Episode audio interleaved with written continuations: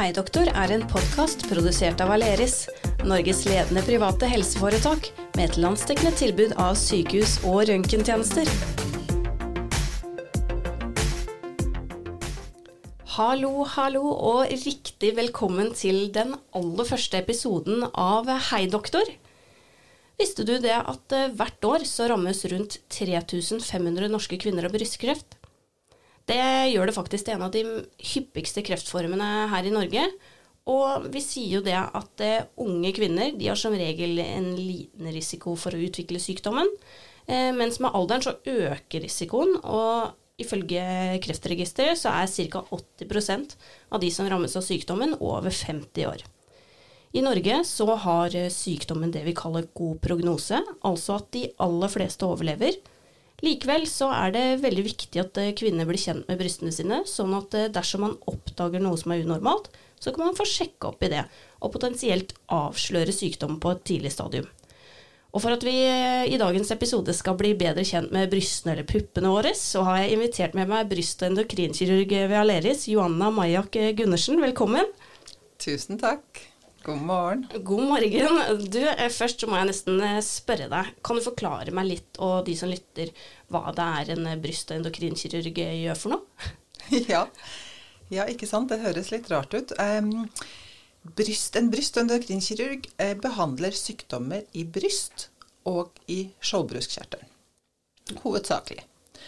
Og så er det kanskje, det høres kanskje rart ut, den kombinasjonen der, men slik ble det nå. Det er en relativt ny spesialitet fra 2007, der disse to organene ble koblet sammen. Så du er, du er, i hvert fall en skikkelig ekspert på bryst, det er ikke noen tvil om? Skikkelig, og når vi nå er i oktober, så ja, vekter vi det på bryst, kanskje. Men uh, du, uh, jeg lurer på, altså brystet, altså hva slags funksjon har det? Altså, altså Hvordan er det bygd opp? Altså, det er jo en klump på, på, kassa, liksom. Oh, det kunne jeg snakket uh, mye om. Det har mange funksjoner, funksjoner, men hovedsakelig så er det jo bygget for å gi barnet melk. For å amme. Og hvis du tenker deg en klokkeskive med klokkeslett, så uh, der klokkeslettene er, så er det melkekjertler. Og disse melkekjertlene, hver av de har en utførselsgang som munner ut i brystvorten der melken renner. Så vi kan kjenne de i brystet? Det kan man, og spesielt i et ungt bryst så kan du kjenne kjertler, ja. Og man vet ofte ikke hva man kjenner, om det er uh, fett. fordi at uh, det jeg ikke sa, det er jo selvfølgelig at melkekjertler, uh, som da underbygger brystets hovedfunksjon, er der. Men det er også selvfølgelig fett. Det er lymfekar, det er blodkar, det er bindevev, hud. Så det er mange andre strukturer som omgir disse melkekjertlene.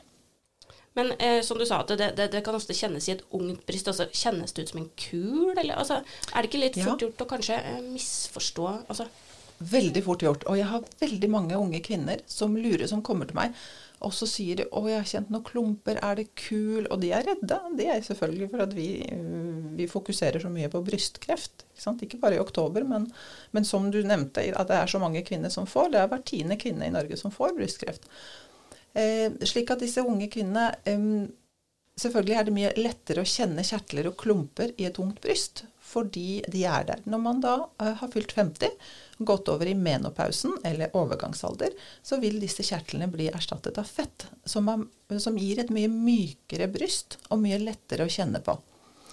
Mens disse unge brystene, der kjenner man klumper. Og spesielt det at et bryst følger syklus, menstruasjonssyklus. Hvis du tenker deg at ca. 14 dager etter menstruasjonsstart så er du eh, fertil. Vil si man ovulerer, ikke sant. Mm. Kan potensielt få barn. Ja. Og det brystet vil da eh, forberede seg på det barnet. Det vil svulme opp, det er mer væske, disse kjertlene vil begynne å bli aktive. Hver måned skjer det samme. Hver måned så lurer vi det brystet til å tro at eh, det skal amme, det skal forberede seg, det skal vokse. Og så kommer menstruasjonen. Og så blir det brystet skuffet. Og så visner det igjen. Og det samme skjer måned etter måned. Er det derfor man kanskje Jeg har kjent på det selv, da, at brystene kan bli ømme og litt såre, og så bare kjenner man kanskje åh, det er noe litt hardt. Det er noe litt sånn åh, er den kul? Og så blir man litt sånn nervøs da, for at det kanskje er noe. Men Ja. det du sier at det, da er det mest sannsynlig kjertelen da, som er, er eh, Mest sannsynlig egentlig klar for pumpemelk. Yes, Altså yes, til å utvikle seg videre. Eh, og du har sikkert kjent dette her rett før menstruasjon kommer, ikke sant? Sånn som jeg prøvde å forklare i stad. Helt riktig, og det du kjenner som regel er kjertler. Men, og det er et kjempestort men her, hvis man kjenner en kul Det er ingen kuler som ikke går over igjen, selvfølgelig, som ikke skal kjennes på av enten en bryst- og endokrinkirurg eller en lege. Så man skal ikke ignorere kuler som, som jeg kaller det på fagspråk, persisterer, eller som blir der, som ikke forsvinner. De skal undersøkes. Så hos en eldre kvinne da, som er over 50, som kanskje har eh, vært i overgangsalderen, og det bare er ja, det er ikke så mye kjertler da, som er hovne, der er det kanskje lettere å kjenne Litt lettere å kjenne. Helt Ja. riktig. Litt lettere å kjenne. Eller litt lettere å vite at um, det er noe nytt. Ja, At det er hardt. At det er noe nytt. At det kanskje er noe skummelt. for da sprenger det ikke på samme måte, eller Nei. nei. Følelsen er, er annerledes. Nå, nå er ikke jeg 50 ennå, så jeg vet ikke hvordan det kjennes. Men Men er det sånn at det, eh, en kul eh, altså, eh, kul i brystet, er det alltid et symptom på kreft eller ikke? Eller hvordan skal man liksom tolke det? Nei, det, det første snakket vi om, at det kan Ja. være kjertler. Og Ja. det kan bare, bare være vanskelig å skille det. Og det er der eh, disse unge kvinnene trenger hjelp eh, av meg, som av bryst- og endokrinkirurg. Vi kan, eh, man kan jo gå gjennom og, og kjenne på det brystet, og lære seg sitt eget bryst å kjenne. Eh, og så er det mange godartede kuler også i et bryst. Ikke alle kuler er ondartede. Ikke alle kuler er kreft.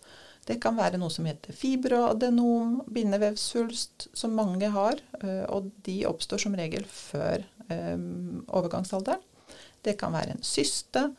Det kan være en fettkul. Så det er mange, mange andre ting eh, som ikke trenger å være så skumle. Og i noen tilfeller så trenger man en operasjon hos en bryst- og. Og få den kulen fjernet. Men eh, i og med at vi, vi snakker om brystkreft, og da, man tenker jo alltid det at å, kul i brystet, det, det, det er eh, brystkreft, eller å, nå må jeg være forsiktig. Eh, er det andre symptomer liksom, rundt brystet man skal legge merke til?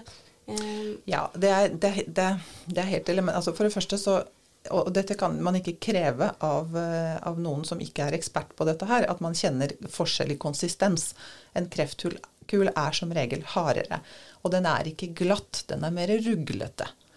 Men det kan man, som sagt, det trenger man hjelp til å kjenne, eh, kjenne på og, og skille på. Og selv jeg, som har kjent på bryst i mange, mange, mange år, kan ikke tillate meg å fortelle at nei, dette kjennes ikke ut som kreft.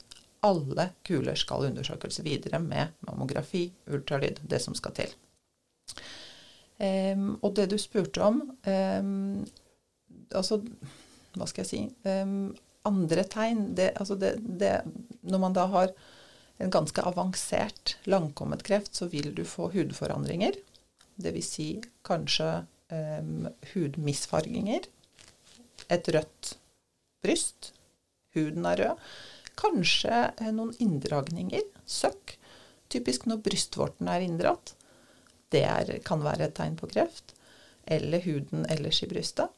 Og det at man får kanskje litt væske ut av brystvorten.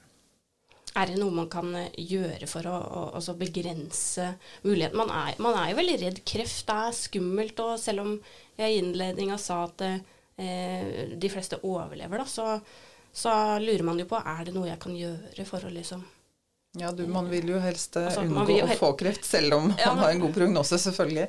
Eh, fordi det er det som er så skummelt med kreft, at du kan aldri gi noen garantier. Eh, altså Det første er selvfølgelig eh, å følge mammografi-screeningsprogrammet. Det er det programmet man blir invitert til eh, å ta mammografi når man har fylt 50. Nå er det sånn at eh, aller helst i miljøet så vil jeg si at det er kanskje lurt å ta den mammografien fra 45 års alder. Eh, spesielt hvis man har hatt noen i familien, nær familie, som har hatt brystkreft. Og kanskje fortsette til man er 75, og ikke slutte ved 69 års alder, eh, som tilbys offentlig. Eh, og selvfølgelig få alle kuler sjekket. Men eh, når er det jeg da skal oppsøke deg, f.eks., som en, en, som en bryst- og endokrinkirurg? Ja. Altså, Det er det når man trenger eksperthjelp på sine bryst, om det så er kuler, ikke sant, som vi snakker om eh, her, og usikkerhet om hva som er hva. Eh, og rett og slett få en opplæring hvordan man undersøker det brystet, hvordan bli kjent med brystet. Til at kanskje de som har hatt eh, kreft og skal til årlige kontroller og trenger en sjekk, årlig sjekk hos en spesialist, som er anbefalt, Eh, til kvinner som eh, har opphopning av kreft i familien, slik at vi kan ta en prat, en samtale, og se om det er noen grunn til å undersøke videre. Ta en gentest, til å lage et opplegg. Kanskje man anbefaler MR årlig. Ikke sant? Alt dette hvis man vil prate om sine bryst. Uansett om det er eh, kuler man vil fjerne. Godartede kuler man vil fjerne. Hvis jeg finner altså La oss si at dere kommer til meg med en kul, og så um, synes jeg at den kulen um, er litt skummel. Den kjennes litt skummel ut. Den kjennes ut som kreft. Så vil jeg selvfølgelig sende til noe som heter pakkeforløp. Det er veldig rask behandling eh, på sykehus. ikke sant? Hvis den eh, kulen ikke kjennes eh, noe skummel ut, så kan vi jo selvfølgelig gjøre utredningen her eh, på Aleris. Og hvis, det, hvis vi finner en godartet kul, så kan man sendes tilbake eller komme tilbake til meg til fjerning. Men eh, hvis jeg da skal operere bort en kul, hva, hva skjer liksom med brystet da? Er det sånn der, tenker ja. at den, den, tar jo litt plass, kanskje. Så blir eh, Det var et veldig, veldig, godt spørsmål. Uh, fordi det, de fleste er veldig redde for kosmetikk. Og det er jeg òg. Ja. Jeg er kjempeopptatt av at det skal bli pent. Vi er i 2020. Så målet er at disse brystene er like symmetriske og fine som før. Og som du sier, den kulen den opptar litt plass. Så det blir ikke mer enn at jeg fjerner kun den kulen, og ikke noe annet. Slik at målet er at man nesten ikke skal se forskjell. Og det blir ikke noe søkk, eller det blir ikke noe hull. Ja, for det var det jeg, det jeg var litt uh, spent på. Om ja. det blir det som du sa, et søkk inn der hvor altså, mm -hmm. For åssen er det kuren f.eks. sitter Sitter den fast i noe, eller er den liksom ja. Flyter den løst inni der? Kan, den sitter fast i resten av bindevevet, sånn at man skal skrelle den ut. Men uh, det er morsomt du spør, fordi at uh, min datter, når hun var seks, uh, hadde da skjønt hva jeg gjorde. hva jeg gjorde på det sykehuset når jeg dro tidlig om morgenen seks og ikke så henne til, til frokost. og så hadde hun da skjønt at jeg fjerner noe fra brystet. Ja. Og så spør hun meg, hun var seks år gammel, men mamma, hva fyller du det opp igjen med? Altså, hva, hva, bruker du til å fylle opp det hulrommet du har laget når du har fjernet noe fra brystet? Det var et logisk spørsmål. Ja. Men det trenger man ikke, fordi brystet vil Naturen er fantastisk, og det vil fylle ut det hulrommet av seg selv. Og så er det det med arr. Ikke sant? Ja. Det er jo, alle er jo redde for arr, og, og da må det er, en, det er en samtale med pasienten hva som er viktig, og hvor det arret er viktig å legge. For det første så er det meninga at det bare skal bli en liten strek. Man syr jo med ting som løser seg opp av seg selv, som nesten er usynlig. Og så er det plassering av arret. Og vi har flere eh, tilganger, som jeg kaller det, i brystet å, å, gå på. Og det kommer litt an på hva som er viktig for denne kvinnen. Er det funksjon? Er det at brystvorten skal være hel og uberørt? Eh, vi må selvfølgelig skjule arret i bh-en sånn eller bikinien, sånn at det er mange triks. Hm. Interessant. Det er, eh, det er, rart å tenke på at det liksom er så mange metoder. Altså, når du sier at er, det, man har forskjellig tilgang, f.eks. hva kan det være? da? Altså, det kan være et uh, arr rundt brystvorten der det mørke møter et, et, et, et sånt uh, halvmånet uh, arr. Der det, det, mørke møter det lyse, f.eks. De er veldig pene. Eller at man ikke vil se det. Skjule det sånn at man ikke ser det i speilet skjule i naturlige rynker, f.eks. Det er viktig. Og det er kjempemorsomt. Og det er jo ikke alle, dessverre ikke alle, uh, som bryr seg om det, men jeg syns det er ekstremt spennende og viktig. For kan, ja, for jeg kan tenke meg det at eh, kvinner altså, mm, Selvfølgelig er man kjemperedd for å få kreft, men så er det jo det at det, det er jo en del av kvinnen å ha, ha bryster, mm. og det, det, å føle seg litt feminin. Vel og feminin, ikke sant. Ja. Og spesielt når det gjelder godartede kuler. Fordi de fleste som kommer til meg med kreft, og vet det er kreft, sier 'bare fjern det', bare få det bort. Og der må jeg komme inn, og min erfaring, at én ting er å Det viktigste selvfølgelig er å bli frisk. Men hvis man også kan tenke på det andre, fordi at det er et liv foran. Det er livskvalitet. Når man da har overlevd denne kreften, som du sa, ikke sant, at 90 eh, av eh, Over 90 av eh, kvinner med brystkreft overlever. Vi glemmer menn litt her, vet du. Det Ja, er ja. tju- ja, vi gjør det.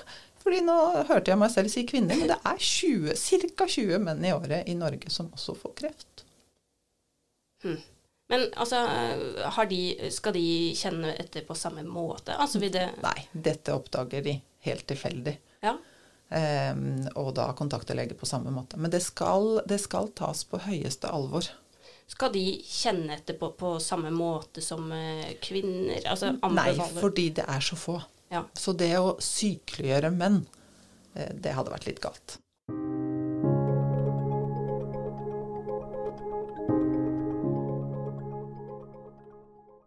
Men eh, nå så har vi fått med oss eh, en til inn i studio, og det er jo deg, administrerende direktør i Aleris, Anita Tunhold. Velkommen. Hei, tusen takk. Jeg har skjønt det sånn at eh, du har også litt du lurer på i form av bryst og brystkreft. Ja, jeg har det. Du, nå er det jo oktober og brystkreftmåneden. Og i den forbindelse så lurer jeg på Det er jo noen kvinner som fjerner brystet når de får brystkreft, og noen som ikke gjør det. Hva er egentlig forskjellen der, og når gjør man hva? Ja, ikke sant? Og det er jo det spørsmålet som kommer opp når eh, en kvinne som har fått påvist brystkreft, kommer til meg.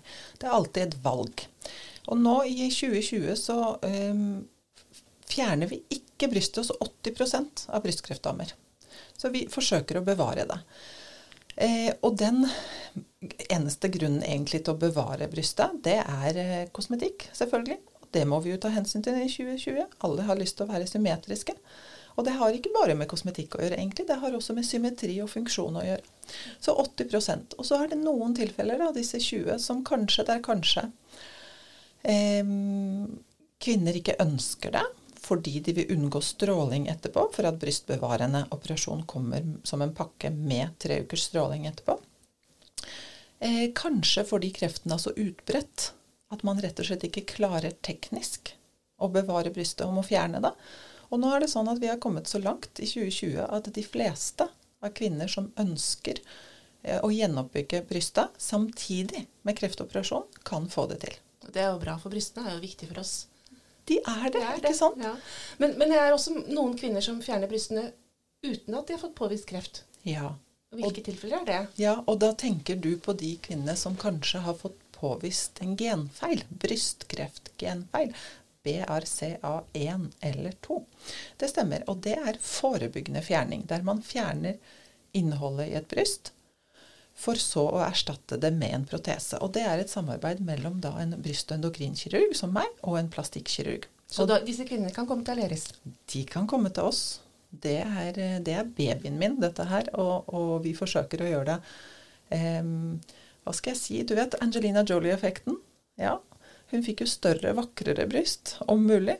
Og det er det man forsøker. Å, få- å få gjennombrettet den kosmetikken slik at det blir estetisk fint. Og i noen tilfeller, em, eller de fleste tilfeller, så blir brystene faktisk finere. Selv om det er sekundært, selvfølgelig, i forhold til det at man da minker risikoen betraktelig for å få brystkreft senere. Skjønner. Men er det sånn at eh, noen velger å, å bare fjerne brystet og ikke bygge det opp igjen? Altså, Ja, hva gjør man da? ja, det er det. Og det er, eh, det er den andre grunnen kanskje til å komme til meg, til, eh, hit til Aleris. Fordi la oss si at eh, man da har valgt på sykehuset å fjerne et bryst grunnet kreft. Og så har man da ikke bygget opp av forskjellige grunner, som jeg ikke går inn på her nå, fordi det er forskjellige grunner til å ikke bygge opp et bryst. Men allikevel så føler man seg kjempeasymmetrisk. Noen, noen av disse damene kan ha veldig store bryst og kanskje få vondt i ryggen, bli skjeve. Um, kanskje den protesen, den kunstige protesen som man har inni BH-en, faller ut, da er det ubehagelig. Og da Man ønsker selvfølgelig ikke i det offentlige å bruke tid og ressurser på å fjerne det friske brystet. Og det er, og, eh, og det er kanskje ikke noe medisinsk grunn eh, til å fjerne det, men det er en funksjonell grunn.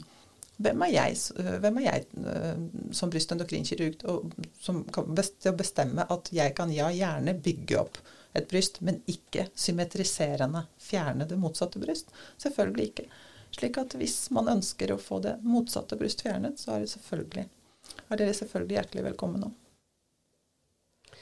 Jeg tenker nå at det, nå har vi lært masse om eh, hva vi skal kjenne etter, og eh, også om man skal fjerne eller ikke. Så jeg tenker at eh, jeg må bare si tusen takk eh, til dere begge for at eh, dere ble med. Og så håper jeg at du som eh, lytter til, eh, fortsetter å, å bli med oss videre. Fordi vi kommer til å ta tak i masse spennende helsestoff. Og forhåpentligvis så blir du og jeg litt smartere på hvordan vi kan ta vare på vår egen helse.